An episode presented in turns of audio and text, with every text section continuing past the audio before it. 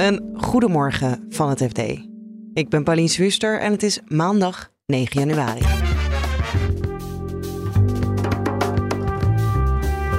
De legalisering van de online gokmarkt is ingewikkeld. Aan de onderkant blijft het dus een beetje worstelen met een wet die iets probeert en te legaliseren, maar daarmee ook een probleem probeert in te dammen. En van dat probleem, ja, daar kunnen we het nog niet over eens worden of dat nou groot genoeg is om extra maatregelen te nemen. En de aanpak van schijnzelfstandigheid blijft lastig.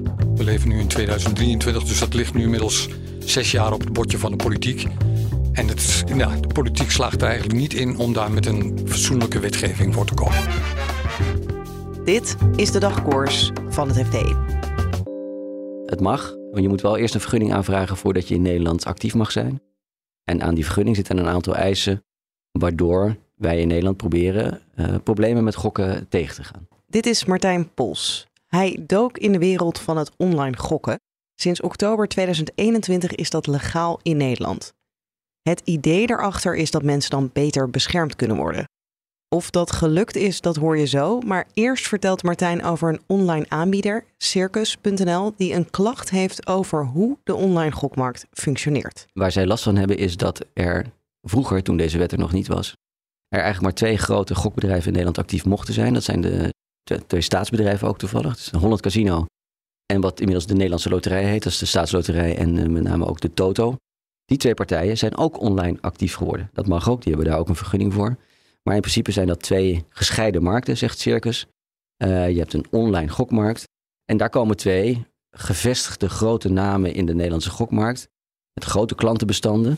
Uh, met veel geld om, uh, om de internetgokmarkt te, te, gaan veroveren. En dat is oneerlijk, vinden zij. Want dat is geld verdiend met het staatsmonopolie wat ze hebben en hadden op de gokmarkt. Die niet op internet was. En die misbruiken ze nu op de, op de online gokmarkt. En de ACM gaat dan onderzoeken of dat daadwerkelijk zo is.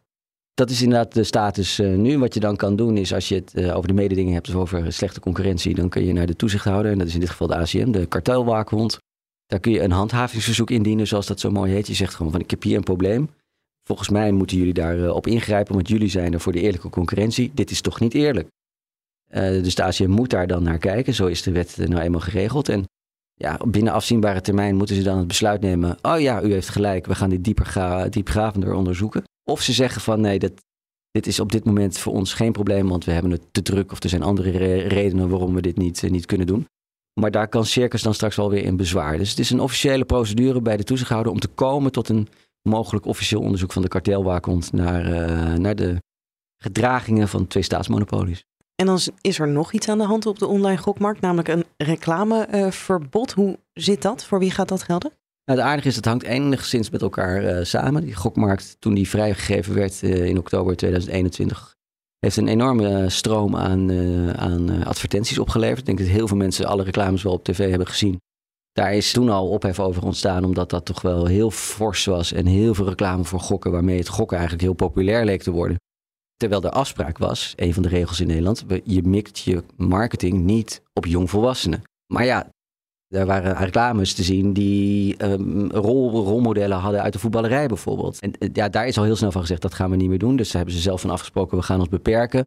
Maar zelfs dat ging niet ver genoeg, uh, vonden uiteindelijk partijen ook in de Tweede Kamer. Dus er is nu een totaalverbod uh, in de maak op, op reclame.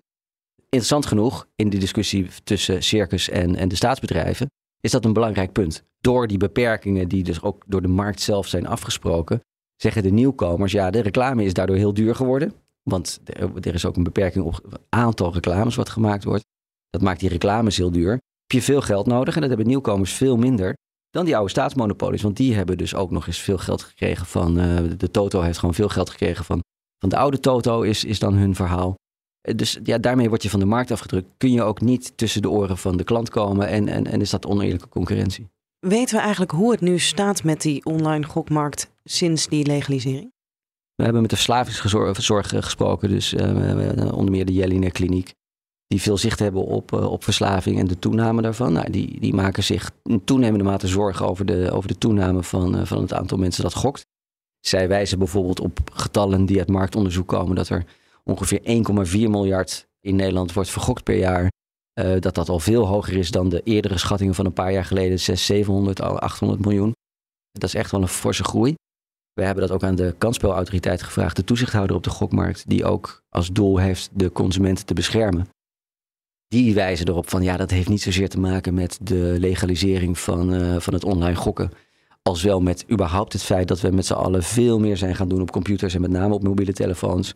Waardoor die normalisatie of die toename van het gokken, met name online, sowieso wel had plaatsgevonden of heeft plaatsgevonden. Dus ze wijten het niet of, of, of, kunnen daar niet een oorzakelijk verband tussen. Uh, dus zij zeggen ook: het is goed daarom dat we dat hebben gelegaliseerd, omdat we het daarmee reguleren.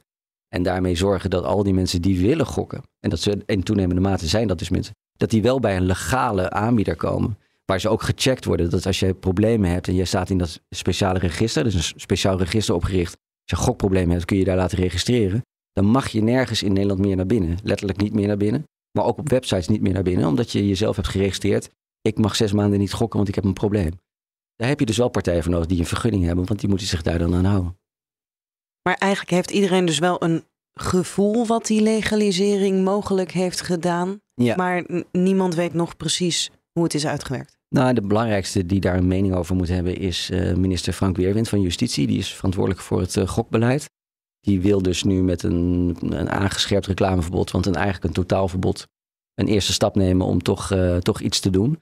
Ook hij draait een beetje om de hete brei heen als ik het moet platslaan. Uh, want wat alle partijen eigenlijk zeggen, we willen graag cijfers zien. De verslavingszorg vindt dat eigenlijk niet nodig, want die zien al die toename van die cijfers. Maar ook de kansspelautoriteit zegt, ja, we kunnen geen harde conclusies trekken zonder cijfers. Dus het is maar net wie je spreekt over of het probleem is toegenomen of niet. Aan de onderkant blijft het dus een beetje worstelen met een wet die iets probeert en te legaliseren, maar daarmee ook een probleem probeert in te dammen. En van dat probleem, ja, daar kunnen we nog niet over eens worden of dat nou groot genoeg is om extra maatregelen te nemen. En kort en goed, ja, het blijft dus worstelen met gokken, omdat er wel wetgeving voor is om dat te kanaliseren, zoals dat zo mooi heet. Maar of dat nou de gewenste effect heeft, namelijk bescherming van die consument, voorkomen van grote gokproblemen, dat blijft een grote vraag die ook dit jaar nog boven de markt blijft hangen. En ze zullen eind dit jaar uh, definitieve cijfers gaan geven, is de verwachting. Uh, en dan zal blijken wat daar dan ook politiek weer mee, mee, mee, mee, moet gebeuren. Maar als er een forse toename blijkt, en dan als je de verslavingszorg spreekt, dan is die er al. Maar als die er echt blijkt te zijn, ja, dan, dan zul je toch verdere aanscherping zien van, van de eisen. En dan ga ik het met onze belastingredacteur Laurens Berendsen hebben over schijnzelfstandigheid.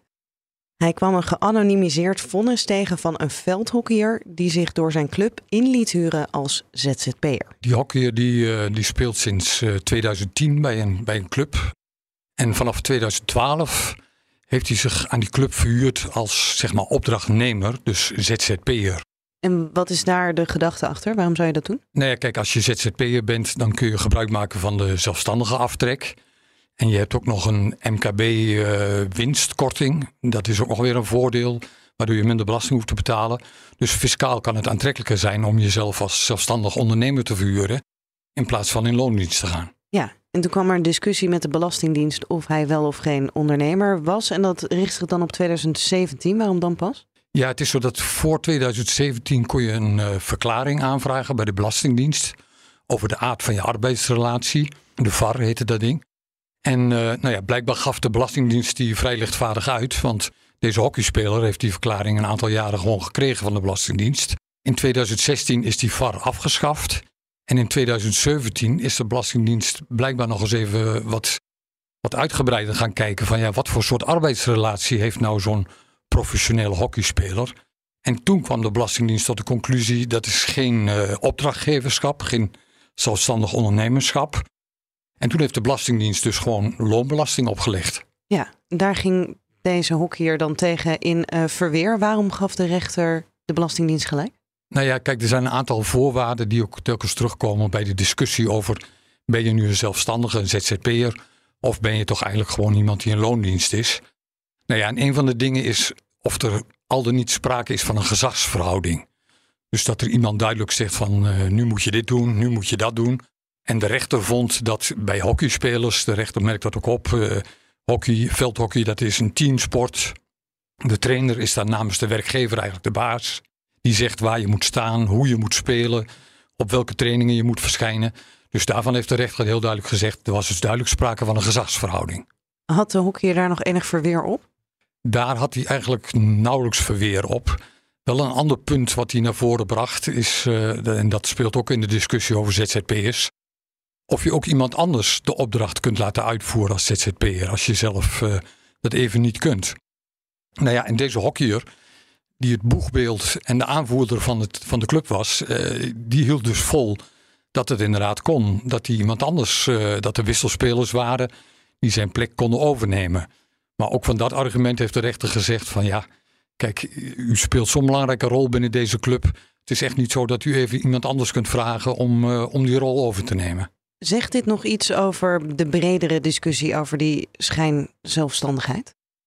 Nou ja, het zegt denk ik in de eerste plaats ook wel iets over uh, in wat voor onzekerheid ZZP'ers verkeren. Ik zei al van voor 2017 gaf de Belastingdienst blijkbaar toch vrij gemakkelijk die VAR-verklaring af. Na 2017 zijn ze daar misschien wat strenger in geworden. Maar in zijn algemeenheid zegt het ook wel iets over de criteria waar rechters dus op zullen toetsen. Nou ja, en dat is dus die vervangbaarheid, maar zeker ook die gezagsverhouding. Is het dan een onderwerp waar de politiek nog echt nou ja, nieuwe regels voor moet hebben? Of zijn de, worden de huidige regels gewoon niet goed nageleefd? Nee, het is nog steeds, uh, sinds het opheffen van die VAR, uh, is er nog steeds onduidelijkheid van wat zijn nou precies de regels en hoe moeten we nou die zelfstandigheid of schijnzelfstandigheid beoordelen. Dus dat is eigenlijk een probleem. Dat ligt nu inmiddels, uh, we leven nu in 2023, dus dat ligt nu inmiddels zes jaar op het bordje van de politiek. En de politiek slaagt er eigenlijk niet in om daar met een fatsoenlijke wetgeving voor te komen.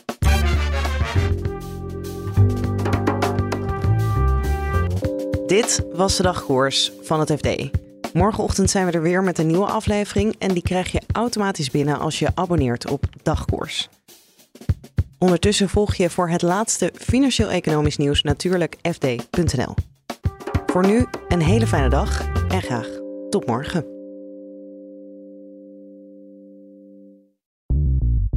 Bij BNR ben je altijd als eerste op de hoogte van het laatste nieuws. Luister dagelijks live via internet. Jelle Maasbach. Wesley Weert. We zijn er voor je met het leukste, opvallendste, maar natuurlijk ook het belangrijkste nieuws. Tijdens de presentatie van die halfjaarcijfers toen die beurskoers in elkaar kukkelde. BNR Beurs. Voor de slimme belegger. Blijf scherp en mis niets.